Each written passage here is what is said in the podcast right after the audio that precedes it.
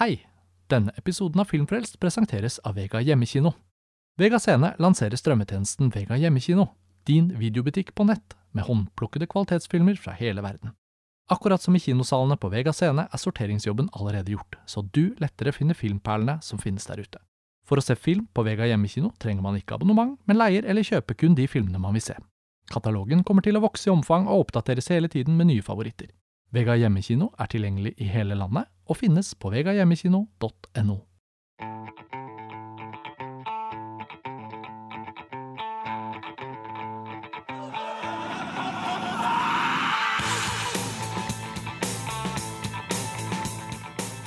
Hei, og velkommen til en ny episode av Filmfrelst, podkasten til montasj.no. Mitt navn er eh, Lars Ole Kristiansen, og jeg sitter her på Skype sammen med Karsten Meinick. Hei, Karsten. Hei, Lars Ole. Og filmviter og kritiker Ida Holmen Nilsen. Hei, Ida. Hei, Lars Ole. I dag så skal vi snakke om en av historiens mest kultforklarte filmer. Den ultimate psykedelia-filmen. Røykefilmenes hellige fjell, nemlig chilenske og nå 92 år gamle eh, Alejandro Jodorowskis The Holy Mountain fra 1973. Og Jodorowsky er jo både filmskaper, skuespiller, tegner, maler, skulptør, tegneserieskaper, forfatter, en slags magiker, komponist, teaterregissør, psykoterapeut. Eh, han går rundt med en pose krystaller, eh, for å si det sånn, eh, leser tarotkort og er noe av en guru. Ikke minst for hans danske arvtaker og fanboy Nicolas Winding Refn. Og Jodorowsky fikk en overraskende hit med syrevesternfilmen El Topo i 1970. Men uh, da han hadde premiere på The Holy Mountain under Cannes-festivalen tre år etterpå, utenfor konkurranse, så var det faktisk ingen som brydde seg noe særlig. Det var først senere, helt utenfor kritikernes uh, maktområde, at filmen fikk en kultfollowing og endte med å gå på kinoer i New York i halvannet år eller noe sånt nå. Og Eh, senere, da Jodorowsky og produsenten hans røk uklare, så eh, endte sistnevnte opp med å trekke både El Topo og The Holy Mountain tilbake. Og derfor så var filmene ekstremt vanskelig å oppdrive i mange, mange år. Og et comeback det fikk eh, Jodorowsky først med Santa Sangre i 1989, som jeg nettopp har sett igjen, mm. og som vel kanskje må sies å være hans eh, mesterverk. Men eh, først så skal vi altså snakke om The Holy Mountain i forbindelse med at den vises i en restaurert utgave på de digitale cinematekene rundt omkring i landet. Denne hellige gralen blant surrealistiske og mystiske nisjefilmer. Hva slags forhold har du til The Holy Mountain, Ida? Ja, men Jeg har egentlig ikke sånn dypt og nært forhold med Holy Mountain. Det er ikke sånn at dette var yndlingsfilmen min engang, men den kunne ha vært det.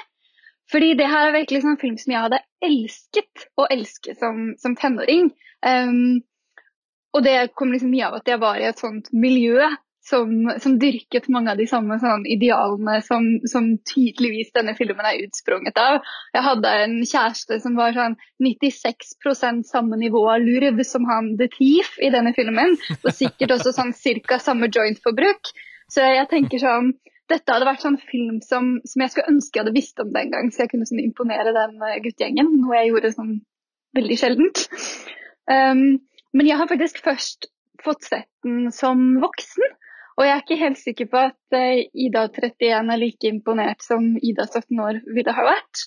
Um, men jeg har liksom fått den opp igjen nå for ikke så lenge siden fordi uh, i forbindelse med at uh, vi planlegger en filmkonsert med den på Frogner kino, hvor jeg jobber litt med sånn retroprogrammet. Så den har liksom uh, dukket opp til overflaten. Og det som er egentlig veldig morsomt med det, er at uh, nå ser jeg den overalt. Nesten samtidig med det så ser jeg at den blir vist på de digitale cinematekene.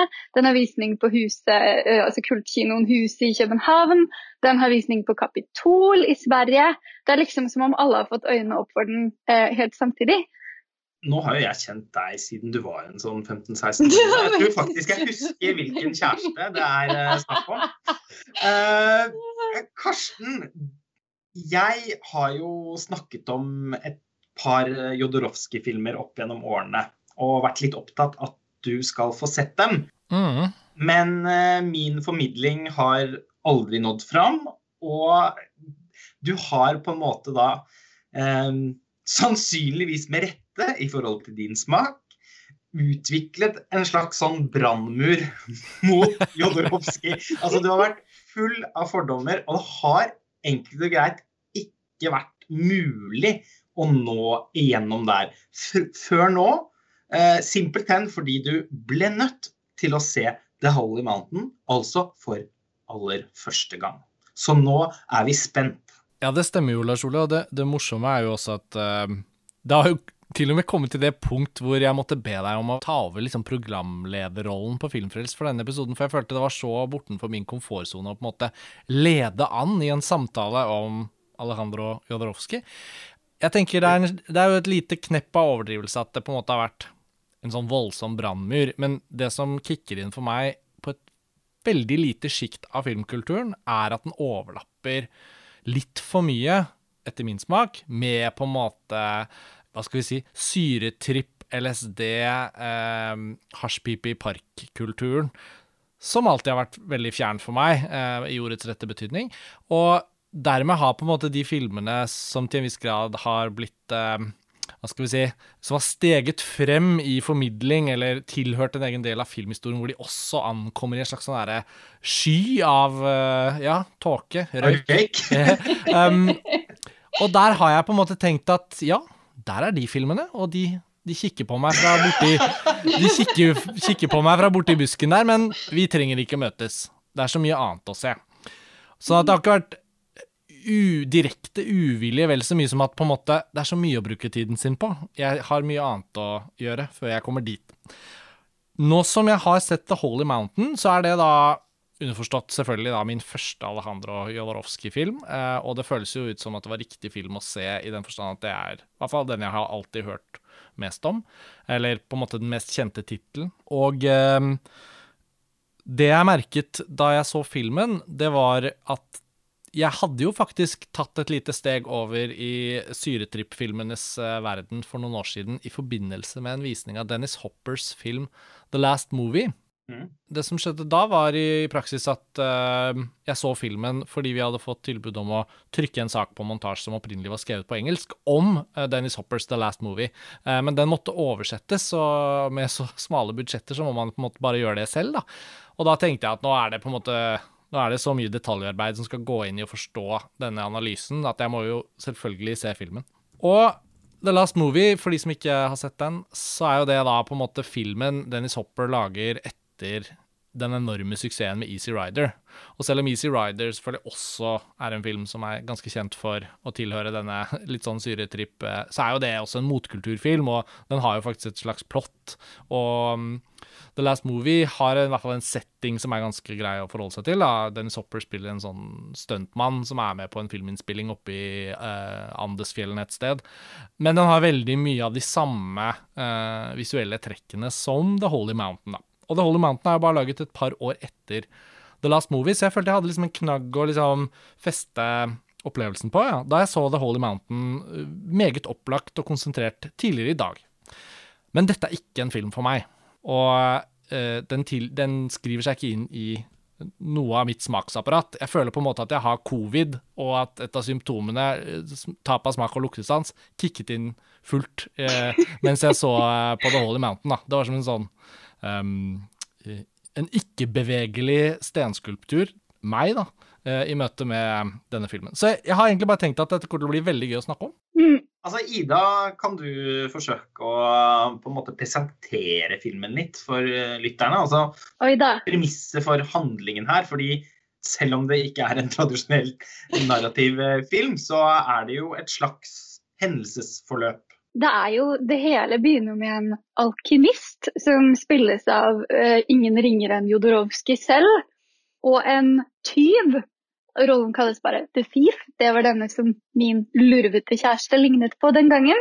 som ligner så mye på Jesus at han liksom får uh, testet ut uh, makten sin litt da, i de innledende fasene av filmen.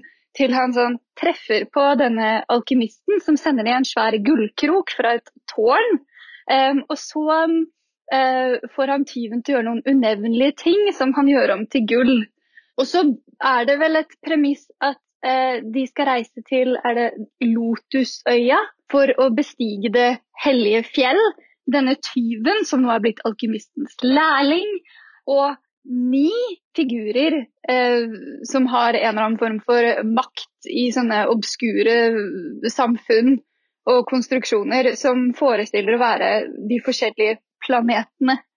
Hvor det er sånn en som lager våpen, bl.a. en psychedelic shotgun, som jeg tror er mitt yndlingsvåpen. En som lager leketøy. Um, en som er, eh, har en far som driver et uh, imperie for kosmetikk og madrasser, som er både døv, stum og blind, og har en mumie som Eller konen er nå en mumie, og han tar da hånden i skrittet på denne mumien hver gang han skal ta en beslutning. Og hvis det er tørt, så er det nei, og hvis det er vått, så er det ja.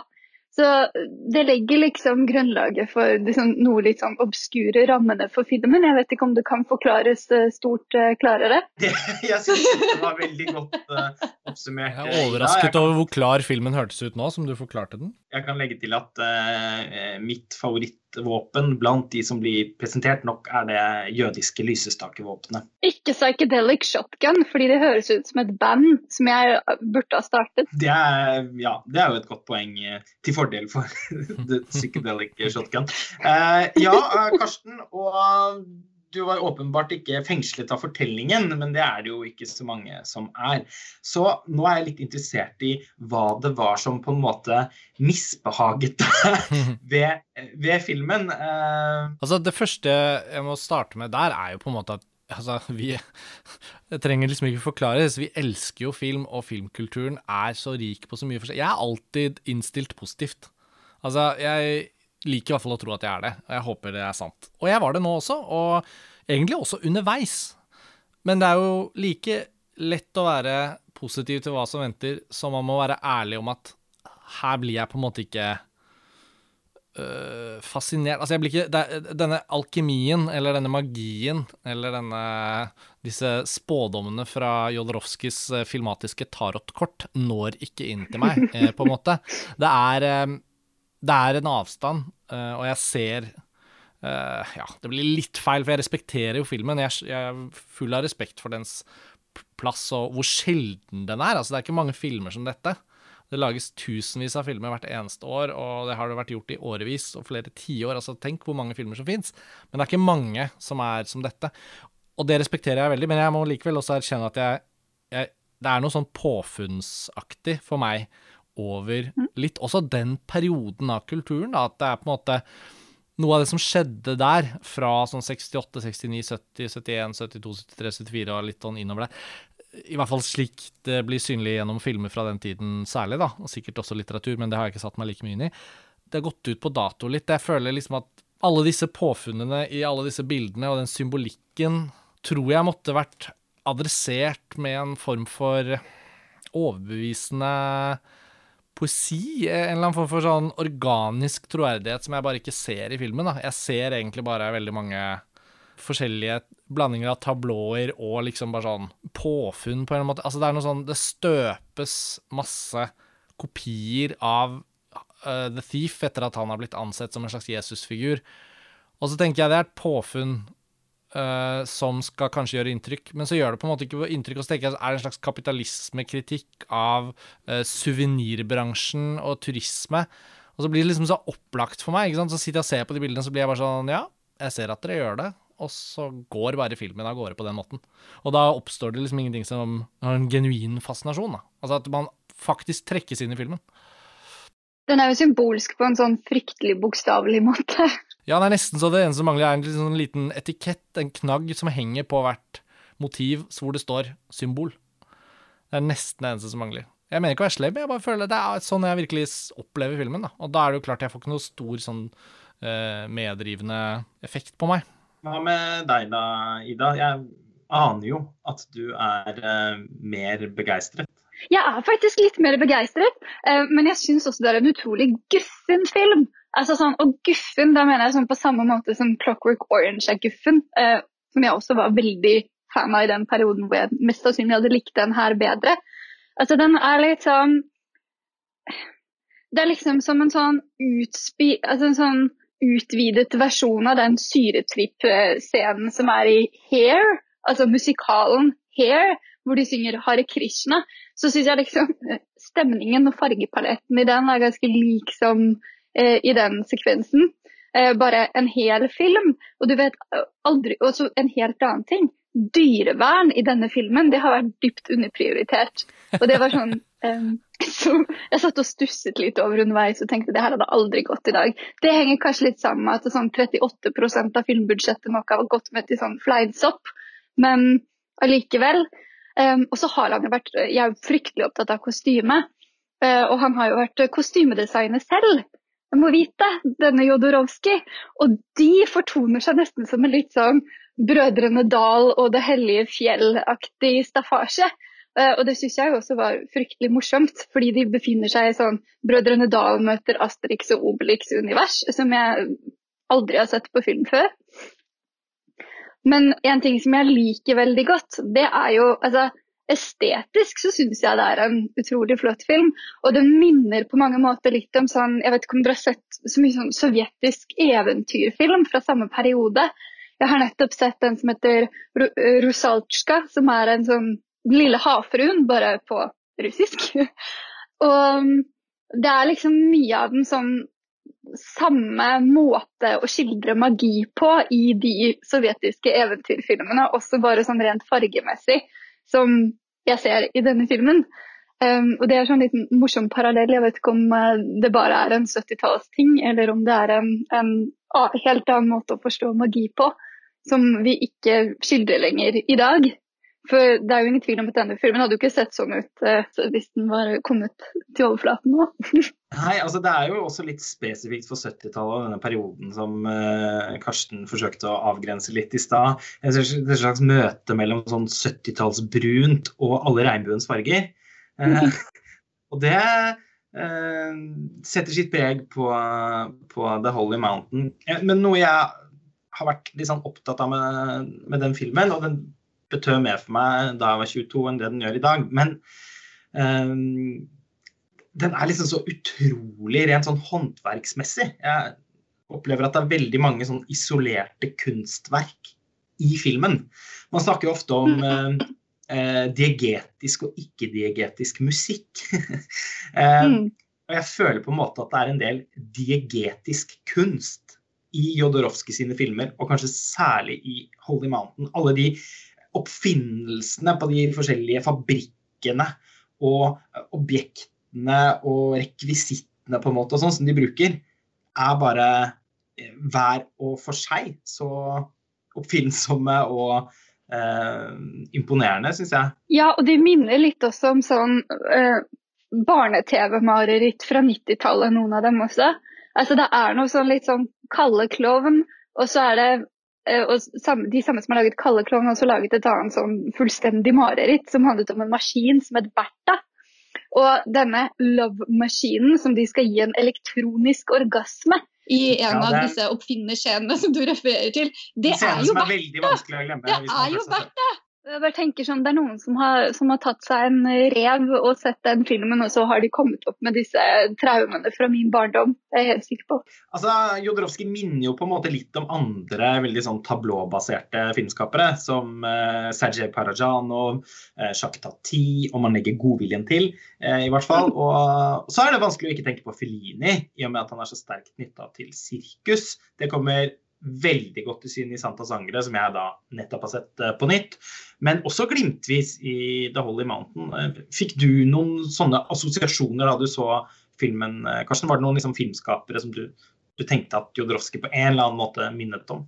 Um, ja, altså På en måte ikke så konkret. Altså, det høres jo veldig rart ut å plutselig trekke inn uh Monty Python, men uh, det er fordi at du og jeg har hatt noen samtaler om Life of Brian de siste dagene, og da hadde jeg liksom det ferskt på minnet. Men det er klart at det er noe um, det er noe med en sånn form for sånn frihet til å la film være hva alt mulig det kan være, som jeg på en måte definitivt ser, og, og på en måte anerkjenner, uh, ikke som en kritikk i dette tilfellet. Altså, det er jo en film hvor når man da først har sett den for første gang, så kan jeg godt se for meg at det er en film det er lett å bli fascinert av, ikke nødvendigvis ved å se den fra start til slutt hver gang, men nesten gå på epleslang etter de tingene du snakket om i stad. Gå inn i filmen og lete etter disse diagetiske partiene som nærmest er som sånne egne frames som har verdi i seg selv. Altså, det er vel et tidspunkt der hvor det, hvor det er en slags sånn motsatt La Dolce Vita-aktig, hvor de, den kjente scenen med helikopteret som frakter den statuen.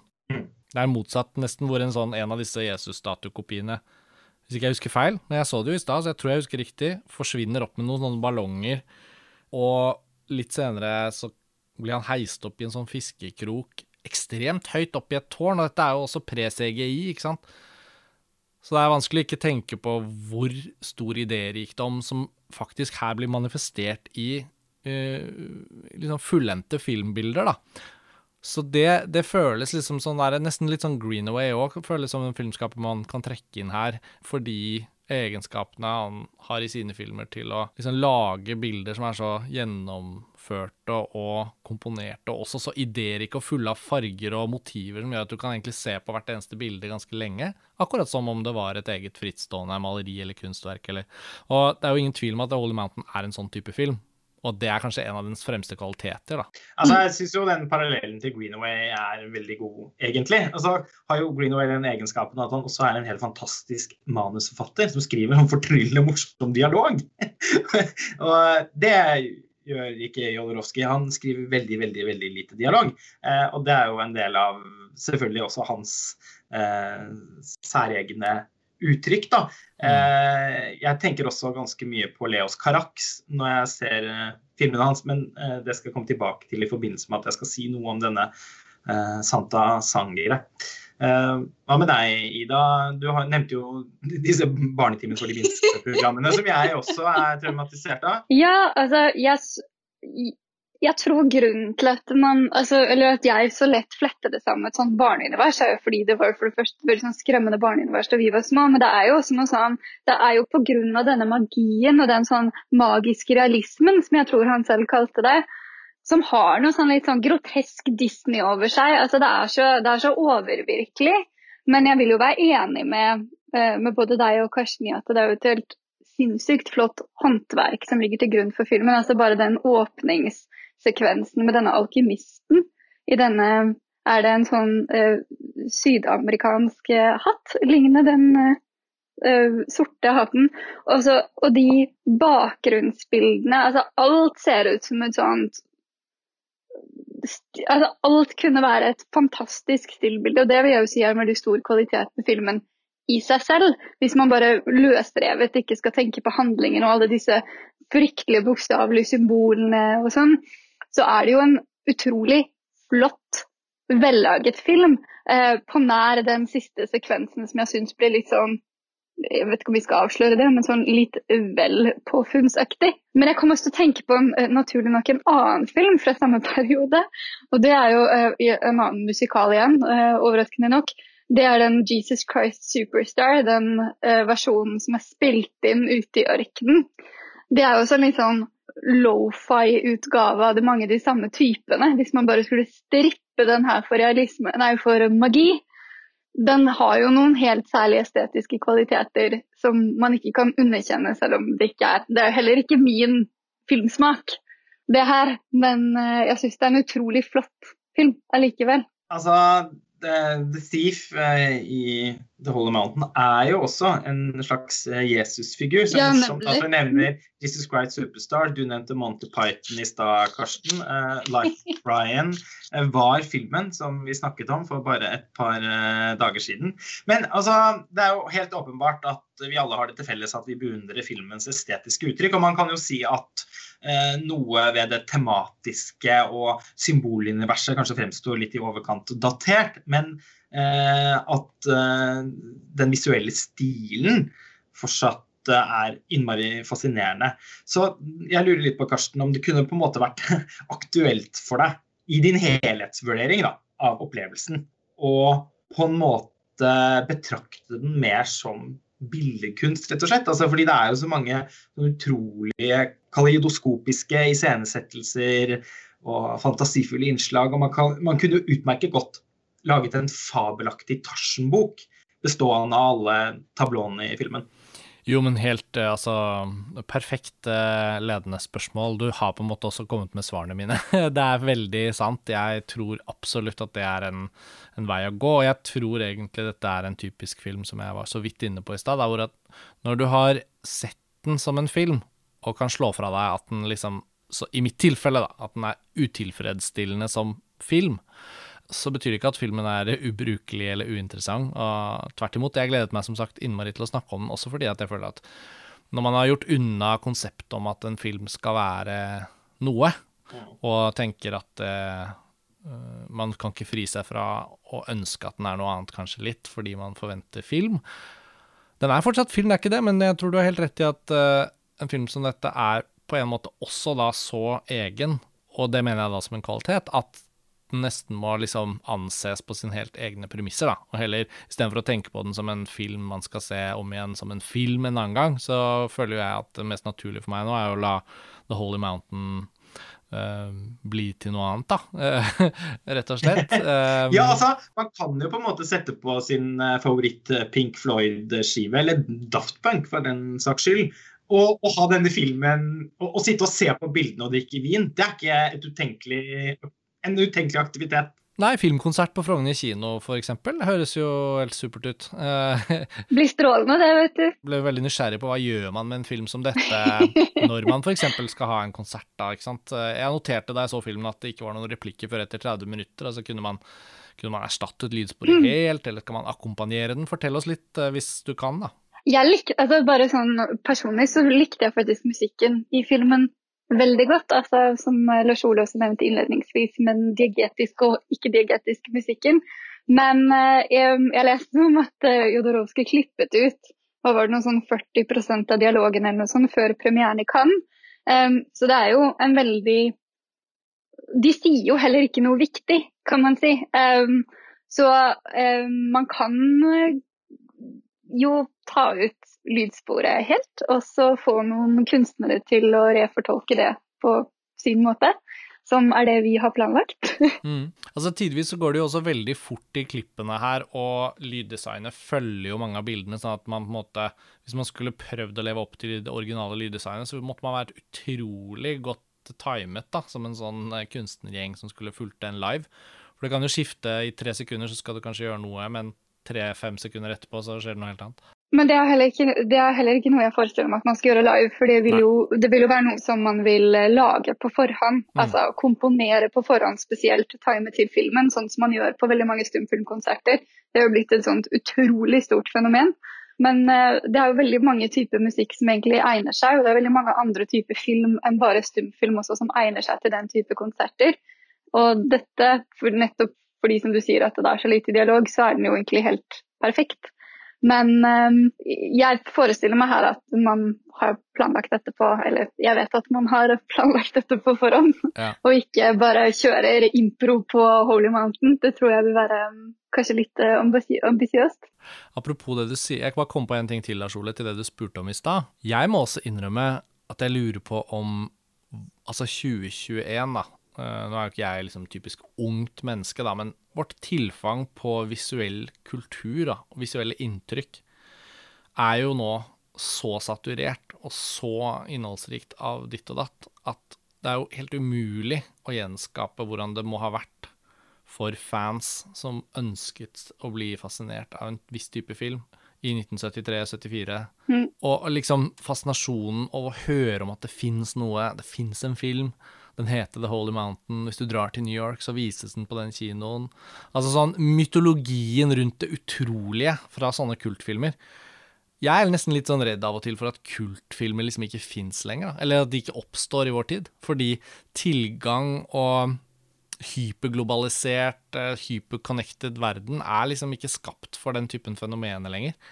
Og det er nesten litt sånn at The Holy Mountain ikke burde ha vært utgitt på Blu-ray og skannet i 4K. Og? Det er nesten som en Mm. film hvor den kulere måten å restaurere den på hadde vært at jeg har kjøpt alle rettighetene til The Holy Mountain, og den fins bare på på 1,35 mm rull, og jeg vil aldri si hvor den skal vises. Den kommer til å dukke opp rundt omkring i verden. Altså, det er liksom det hadde vært den beste måten å Fordi den overtilgjengeligheten tar jo egentlig litt sånn futten ut av mystisismen i bildene òg, da. Det er jo på en måte det er en kilde til en hel egen episode, tenker jeg, å, å definere hva kultfilm er for noe, og hvorvidt det lages kultfilmer lenger. Men jeg, jeg skjønner veldig godt hva du mener, Karsten. Den siste vaskeekte kultfilmen var Det er kanskje Donnie Darko, da? Ja. Som var litt Hvor VHS-tapen fortsatt var et fenomen. Ja, ikke sant, for den er tross alt fra VHS. I overgangsalderen Ja. til, til VHS. ja. ja, for den er etter Blair Witch Project. Stemmer det? Mm. Ja, og Blair Witch Project ble en så stor kommersiell film. Eh, en enorm kinosuksess. Så den er, er dermed litt sånn diskvalifisert, tenker jeg. Eh, jeg tenker også at The Holy Mountain tilhører en litt sånn vag gruppering av digresjonsfilmer. Som jeg heller ikke opplever å se særlig mange av i dag. Heller ikke innen festivalsjiktet. Jeg tenker på filmer som Luis Louise Buñuel sin eh, 'Frihetens fantom', Pasolini sin 'Tusen og en natt', Monty Python for den saks skyld. Eh, og fra senere år da, så kan man jo nevne eh, Leos Carax sin 'Holy Mouters'. eh, og eh, Matteo Gar Garones 'Il racconti de racconti', eller hva var det den het for noe? Tale of Tales. Ja, og Santa Sangre, som, som, som jeg har sett eh, for første gang på flere år i dag, det er jo da naturligvis også en veldig merkelig film. Episodisk og, og strukturert mer på en måte som en drøm enn som en tradisjonell uh, fortelling. Mm.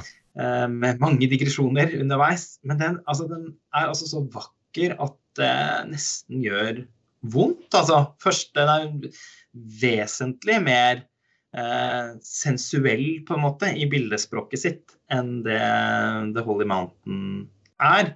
Og Den første halvdelen av den filmen er et tilbakeblikk til hovedpersonens barndom. Hovedpersonen er spilt av Jodorowsky sin sønn, som er veldig lik Jodorowsky. Det er for øvrig flere av Jodorowskys sønner og familiemedlemmer involvert i filmen. Og veldig mange ligner på hverandre. Eh, det ser ut som jævlig god casting når de skal være søsken og, uh, og unge og eldre versjoner. Men det er egentlig bare en eneste stor familie. Uh, I alle fall mange av dem. Uh, og han hovedpersonen uh, som vi får eh, eh, Som skjenkes disse tilbakeblikkene, eh, han har da vokst opp som magiker på et sirkus. Og Jodorowsky selv har jo jobbet på sirkus og sånn. Og, og den delen av filmen minner om Fellini, eh, men på en måte filtrert gjennom Leos Carax, som jeg antydet innledningsvis. Og det er nesten ikke noe dialog, og overveldende mange tablåer og veldig sånn distinkt sceniske komposisjoner der skuespillernes ansikter og kropper i bevegelse er det som formidler. Og så i, i siste akt så, så eser et sånt ødipalt drama som har ligget der hele tiden, i omfang. Og her merker man plutselig veldig godt at filmens komanusforfatter er Claudio Argento, altså broren til Dario Argento.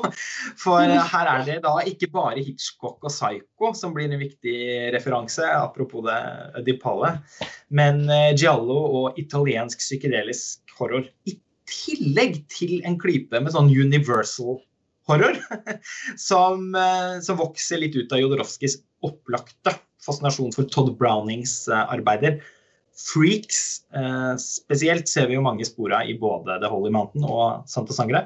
I alle fall, så plutselig så blir filmen en slags sånn seriemorder-slasher, rett og slett, på eh, sitt helt eget vis. Og selv om jeg syns de første delene er best, eh, så er på en måte denne Argento-biten viktig for filmens genuine kultfaktor. Den, det er som om den liksom bryter med skjønnheten og gjør helheten ja, om mulig enda mer forbløffende enn den allerede var. Det var virkelig et, et oppslukende gjensyn, og med noen helt utrolige enkeltscener.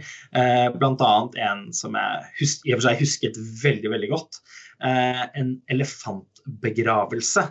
Eh, der man, først får vi se en elefant som, som, langsomt dør mens det blør ut av snabelen på den, og alle gråter og er triste. Og så blir elefanten lagt i en enorm sort elefantkiste eh, og, og, båret gjennom, gjennom byen. For så å bli lempet på en søppelfylling og sendt langs en slags sånn Ja, en liten sånn bane, eller hva man skal si, eh, ned eh, da et enormt stup. Og når eh, elefantkisten lander med et brak der nede, så ser vi at det har samlet seg hundrevis av fattige som liksom bare venter på at braket skal inntreffe, som da kaster seg eh, ned langs bakkene og sånn for å gyve løs på kisten og begynne å, å, å flerre av eh, kjøttstykker av elefanten for å spise det, for de er jo så fattige. Det høres jo helt utrolig ut. Uh, Den solgte du godt, ja. Jeg er veldig nysgjerrig på denne filmen. Dette er virkelig en anbefaling, også til de som eventuelt måtte ha, uh, ha sett The Holy Mountain og ikke um, fått sterke følelser for den. Mm. Hvem kan det ha vært? Så er det verdt å vite at Santa Sangre er eh, Selv om den selvfølgelig også har noen helt sånn opplagte likhetstrekk, så er det en ganske annen liksom, poetisk toneart i den mm. filmen. Det kan jo også være anledning til å trekke inn eh, noen korte ikke biografiske detaljer nødvendigvis om Jodorowsky, men han er jo, som ble nevnt innledningsvis, 92 år gammel og fortsatt i live. Og jeg har jo da bare sett The Holy Mountain, så, så jeg baserer meg bare på, på den informasjonen som fins. Men Lars Ole han er jo en, en, type figur som egentlig har laget film da i over 50 år, og egentlig inntil nylig også fortsatt holdt på med ting da, og vært veldig sånn aktiv. Um, ja, Han lagde jo The Dance of Reality og så Endless Poetry. Og det var vel egentlig Jeg lurer på om det var tanken at det her skulle bli en trilogi. Nå er han muligens så gammel at den siste filmen ikke blir noe av, men dette er jo uansett ikke mange år siden. Eh, de hadde jo premiere i Cannes, begge to. Ja, jeg husker vi hadde jo liksom en fersk eh, sak i 2014 eller når det var, om den uh, The Dance of Reality, som, som, den er omtalt som, da. La danza de la realidad. Uh, men det virker jo fascinerende å se på en måte Hvis man hadde Nå sier jeg ikke at jeg eh, forplikter meg til det her og nå, men skulle man valgt å se seg gjennom alt han har laget, så kan det jo fra utsiden virke som at han går gjennom ganske mange forskjellige faser. da. Det er dette mytologien rundt dette Dune-prosjektet hans, som aldri ble noe av, men som ble til en dokumentar. Um, det virker som at det aller siste han har laget, er en slags sånn film om, eh, om sitt eget liksom, terapeutiske arbeid som guru. altså, alt i alt så fremstår jo Jodorowsky som en figur i seg selv, som ikke bare er en filmskaper, men som er en, en skikkelse med et utrolig langt livsløp, fullt av ideer om en alternativ virkelighet som er verdt å øh, ta høyde for når man forstår filmene hans, da. Ikke bare liksom lese dem ut fra filmer. Og det er jo noe jeg har strevd med gjennom dagen i dag. Og liksom er det opp til meg å sitte her for meg selv og bare føle at ikke filmen responderer, eller kunne jeg lent meg mer inn og, og prøve å gi filmen um, Eller i hvert fall prøve å sette meg inn i, så, så langt det er mulig, da, filmens liksom tilblivelse, og hvordan den fungerer som en sånn del av et langt langt mer omfangsrikt kunstnerskap. da. Så jeg lander jo litt på det siste, og det har jeg også tenkt på før vi skulle snakke om filmen. At liksom, her er det jo også mulighet til å snakke seg varmere og snakke seg litt mer nysgjerrig. Så da du begynte å sende noen sånne varsler om at gjensynet ditt med Santa Sangre var helt enormt, så kjente jeg jo litt at da er jo det Neste punkt for meg vil jo nå være å kanskje låne da din Blu-ray og, og kjøre en skikkelig visning av den og, og, se om det er mer der da, enn jeg kanskje ikke helt følte jeg fikk fra den opplevelsen i dag. Men jeg vet ikke om lyttere som hører på oss, er i min situasjon og ikke har sett noe særlig Jodorowsky, eller om de er mer sånn som deg, Lars Ole, som har vært fascinert av det lenge, og Ida, du som liksom match, føler filmen matcher veldig opp med en interesse, en fase tidligere i livet. Liksom. Så jeg kjenner jo at jeg er litt sånn på utsiden, da. Nei, altså nå fikk du meg jo fryktelig nysgjerrig på den uh, sirkusfilmen. Jeg er jo veldig glad i sirkusfilm, selv om jeg tviler på at det er sånn Juklernas afton, liksom. Så merk, jeg har jo heller ikke sett noe annet av Jodorowsky. Merker jeg at jeg har veldig lyst til å kanskje utforske det litt videre. Og så kanskje akseptere at jeg ikke er helt ferdig med den psyk psykedelikafasen allikevel. Nei, jeg kan i hvert fall garantere at det er 50% mer David Lynch i den uh, Santa Sangre. Det er en filmskaper du liker. Mm. Uh, jeg tenker at vi runder av uh, her, jeg. Ja. Jeg ble veldig motivert til å se de to siste filmene til Jodorowsky, som jeg fortsatt ikke har fått somlet meg til, selv om jeg har dem på hyllen. Den andre av dem er fotografert av Christopher Doyle. Det er jo i seg selv en eh, inngang. Samtidig så har jeg jo bitt meg merke via trailer og sånn at de ser veldig sånn digitale og lavbudsjetterte ut. Og det kolliderer litt med min Altså det jeg vil ha ut av en Jodorowsky-film. Men øh, jeg gjennom det gjensynet med Santa Sangre og noen sånn bakomdokumentarer og sånn som jeg ble sittende og se på, så kjente jeg faktisk at min ja, tidligere fascinasjon for Jodorowsky ble litt vekket til live igjen av dette her. Og jeg skulle ønske at uh, jeg oppholdt meg i en by der jeg kunne gå og se den restaurerte versjonen på cinematekene. På tross av din drøm om, at den bare skal vises på en fyllete 35 millimeter et eller annet. ja, ja da, nei, egentlig jeg er jo det slo meg at den samtalen om, om det er mulig for kultfilmer å bli kultfilmer i 2021, det tenker jeg vi mm. kan komme tilbake til på et senere tidspunkt. For det slo meg egentlig Jeg har ikke tenkt så mye på det før, men det slo meg litt med denne filmen. Men det var jo selvfølgelig ikke til forkleinelse for at den nå kan nå nye eh, publikummere i sin restaurerte form. Og jeg skulle jo selvfølgelig også gjerne ha sett den på det store lerretet. Og på en måte og vært enda mer kapslet inn enn jeg kan uh, gjenskape her i min egen uh, hjemmekino. da. Være liksom låst inn i filmen med høyest mulig lyd og alt det der. Det er jo på en måte Vi vet jo, og vi har jo gjentatt det dusinvis ganger, det er liksom ypperste måten å se nesten all film på. Uh, og mm. særlig sånne type filmer som dette. Så nei, det er jo flott at Jodorowsky er tilbake, og tydeligvis på mange visningsarenaer, som du nevnte, Ida. at Mm. Frogner kino sitt publikum har jo da også en mulighet når den tid kommer, så nei. Godt å få snakket om dette. Nå har jeg også litt grann Jodorowsky, eh, og forhåpentligvis er jeg ikke vaksinert mot uh, nye reiser inn i dette universet. Det er godt å høre. Tusen takk eh, for at du ble med på episoden, Ida. Du skal snart vende tilbake også i andre Filmfrelste episoder. I mellomtiden så må dere ha riktig lykke til med visningene på Frogner kino. Ja, takk. Takk for at jeg fikk komme. Vi snakkes veldig snart igjen, Karsten. Det gjør vi. Og så kan vi Ja, jeg føler ikke vi kommer ikke til å krangle om Jodorowsky nå. Det ble, det, dette her blir en to be continued på en eller annen måte, føler jeg. Det føler jeg òg. Supert. Takk til alle som hører på Filmfrelst. Ha det bra. Hei. Ha det.